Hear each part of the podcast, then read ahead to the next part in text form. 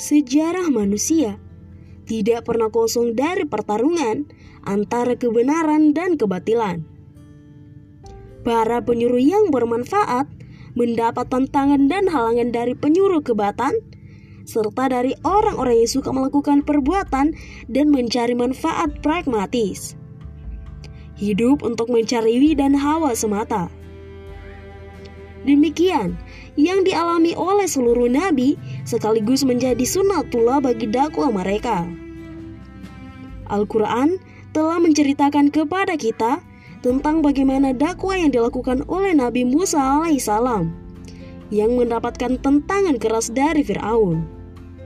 Demikian juga kisah para nabi yang lain. Mereka mendapatkan perlawanan dan serangan ketika menyampaikan risalah Allah Subhanahu wa taala kepada umat.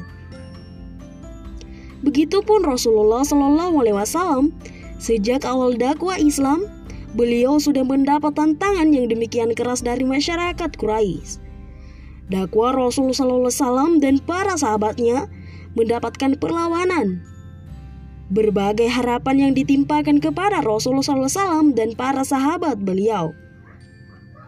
Keluarga Yasir radhiyallahu anhu disiksa dengan siksaan yang sangat pedih. Istri Yasir Sumayyah menjadi syahidah pertama dalam dakwah Islam. Abu Bakar radhiyallahu anhu pun pernah dipukuli hingga wajahnya babak belur karena seruan dakwanya di hadapan orang banyak di samping Ka'bah. Rasulullah Shallallahu Alaihi Wasallam sendiri pernah disiram dengan kotoran binatang, diludahi dan diperlakukan dengan perlakuan buruk lainnya. Berbagai jenis perlakuan buruk dan siksaan ditempakan atas kaum muslim semua itu dilakukan untuk kaum muslim dari agama mereka. Inilah yang dinyatakan oleh Allah Subhanahu wa taala dalam firman-Nya.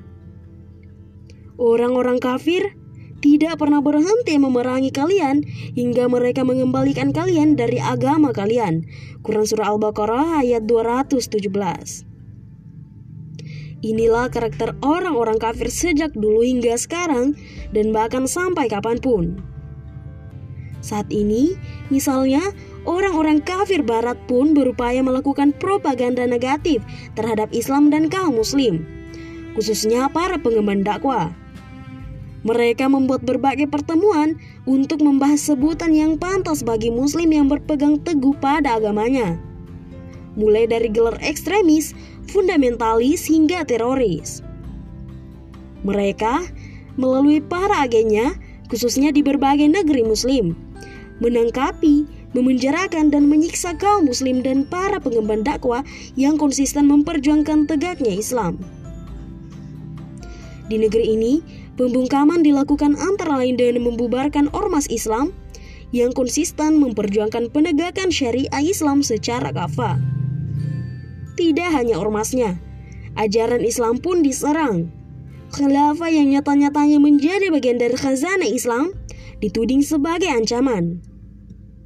Padahal khilafah telah dibebankan kewajibannya berdasarkan dalil Al-Quran, As-Sunnah, ijmak sahabat, termasuk ijmak para ulama.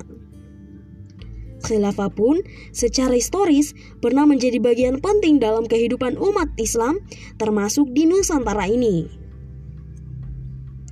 Semua itu mereka lakukan di dalam rangka kaum muslim dari agama mereka. Ini sama bertahan dengan aktivitas kaum kafir Quraisy terhadap Nabi Muhammad SAW dan para sahabatnya sekitar 14 abad lalu. Namun demikian, semua bentuk tayangan dan perlawanan itu tidak membuat kaum muslim goyah dan terpalingkan dari semangat dan dakwah mereka. Semua itu tidak berpengaruh bagi kaum muslim. Bahkan selamat dan dakwah mereka semakin bertambah kuat. Insya Allah. Sikap kaum muslim memiliki modal yang luar biasa untuk menghadapi semua tantangan dan halangan dakwah Islam, yaitu modal kemenangan. Mereka mengimani tujuan keberadaan mereka di dunia adalah untuk beribadah kepada Allah Subhanahu wa taala. Quran surah Az-Zariyat ayat 56. Mengimani Allah membenarkan dengan pasti bahwa tidak ada yang patut disembah. Tidak ada pembuat hukum yang layak ditaati tidak ada yang harus ditakuti dan tidak ada yang selalu dirindukan keridaannya selain Allah Subhanahu wa taala. Mereka kepada Allah Subhanahu wa taala dan azabnya pedih, mengalahkan dan sangat mereka kepada manusia dan siksaan mereka. Kenikmatan yang akan mereka peroleh kelak di akhirat yang lebih mereka cintai dan yang mereka harapkan daripada kenikmatan yang akan diberikan oleh para pembesar kekufuran kaum muslim harus tetap melaksanakan dakwah sebagaimana Rasulullah Shallallahu alaihi wasallam dan para sahabat meskipun mereka banyak menghadapi berbagai rintangan, ancaman dan tantangan dalam berdakwah. Pasalnya, dakwah merupakan sebaik-baik kutipan dan seruan. Allah Subhanahu wa taala berfirman, ada ucapan yang lebih baik dari ucapan orang yang menyuruh manusia kepada agama. Allah dan beramal salih serta berkata, Aku termasuk orang yang berserah diri. Quran Surah Fusilat ayat 33 Meskipun demikian, Rasul SAW dan para sahabat mengalami penderitaan yang luar biasa. Mereka hanya diharuskan oleh Allah taala untuk bertahan dan tetap berpegang teguh pada syariatnya. Diriwayatkan bahwa karena penderitaan yang luar biasa yang mereka alami, akibat berbagai macam siksaan dan penderitaan orang-orang kafir. Mereka bertanya-tanya, kapan pertolongan Allah akan datang? Allah SWT lalu menurunkannya. Apakah kalian mengira akan masuk surga? Padahal belum datang atas kalian cobaan seperti halnya orang-orang terdahulu sebelum kalian. Ditimpa oleh malapetaka dan kesengsaraan, serta diguncangkan atau dengan berbagai macam cobaan sehingga berkatalah Rasul dan orang-orang yang percaya bersama dia. Kapankah datang pertolongan Allah? Ingatlah, sesungguhnya pertolongan Allah itu amat dekat. Quran Surah Al-Baqarah ayat 214. Karena itu, yang merupakan tantangan dari para pengemban dakwah menghadapi semua tantangan, gangguan dan ancaman dalam dakwah adalah Rasul Shallallahu Alaihi Wasallam dan para sahabat beliau. Mereka selalu yakin dengan pertolongan Allah SWT sehingga mereka selalu berkata, Cukuplah Allah menjadi penolong kami dan sebaik-baik pelindung. Quran Surah Ali Imran ayat 173 Selain meneguhkan tawakal kepada Allah SWT, jika pengorbanan pun harus ditingkatkan.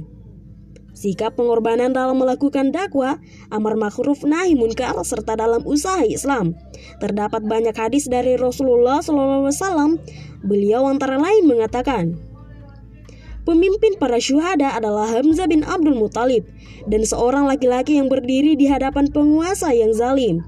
Lalu ia menyuruh penguasa itu berbuat baik dan melarangnya berbuat jahat. Kemudian penguasa itu membunuh dirinya.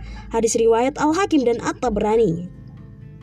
Beliau juga mengatakan, Siapa saja yang melihat suatu kemungkaran, hendaklah ia berusaha mengubah kemungkaran itu dengan mengubahnya. Jika tidak mampu dengan lisannya, jika tidak mampu juga dengan hati. Itulah selama lemah iman. Hadis riwayat Muslim, Abu Daud, At-Tirmizi dan An-Nasai dan Ibnu Majah. Imam Nawawi menjelaskan hadis ini. Sabda beliau, hendaklah kalian mengubah kemungkaran itu. Merupakan perintah wajib yang telah disepakati oleh seluruh umat tanpa kecuali. Perintah amar makruf nahi munkar ini telah ditetapkan dalam Al-Quran, as-sunnah dan ijma' umat. Dalam sebuah hadis Qudsi, Rasulullah Shallallahu Alaihi Wasallam juga mengatakan, Allah Subhanahu Wa Taala pada hari kiamat akan bertanya kepada orang yang tidak berani mengungkapkan kebenaran. Apakah yang membuat kamu tidak mau mengucapkan kebenaran terhadap keadaan ini dan itu? Orang tersebut menjawab, "Karena takut atau kemarahan masyarakat." Lalu dia berfirman, "Akulah yang lebih baik kamu takuti." Hadis riwayat Ibnu Majah. Wahai kaum muslim, kita tengah menghadapi tantangan dari musuh-musuh Islam. Kita harus mengenali siapa lawan dan siapa kawan. Sangat jelas bahwa musuh kita saat ini adalah kekufuran yang menjelma di negara penganjur kekufuran dan para bonekanya. Mereka lah yang saat ini membuat berbagai makar untuk menghabisi Islam dan kaum muslim. Karena itu, kita tidak terjebak dengan skenario global mereka yang bernafsu untuk menghancurkan Islam dan kaum muslim. Karena itu pula, kita harus tetap berjuang. Dakwah Islam tidak boleh terhenti. Upaya menegakkan syariah Islam dalam institusi khilafah ala minhaj an-nubuwah tidak boleh kandas. Di mata manusia, boleh jadi seolah-olah dakwah terlihat. Namun di sisi Allah Subhanahu wa taala, justru kemenangan dakwah semakin tampak. Pasalnya, cahaya ilahi tak akan pernah padam. Tanda-tanda kemenangan semakin jelas sesuai janji Allah Subhanahu wa taala bantuan segera laginya akan segera datang. Islam akan menjadi satu-satunya mabda atau ideologi yang menang atas semua ideologi lain. Percaya karena Allah SWT telah berfirman. Orang-orang kafir itu berkehendak cahaya-cahaya agama Allah, tetapi Allah tidak menginginkan selain menyempurnakan cahaya agamanya, meskipun orang-orang kafir itu membencinya. Quran Surah At-Taubah ayat 32. Hikmah yang bisa kita ambil dalam firman Allah yaitu mereka membuat tipu daya dan Allah membalas daya mereka. Allah, sebaik-baik pembalas tipu daya. Quran Surah Ali Imran ayat 54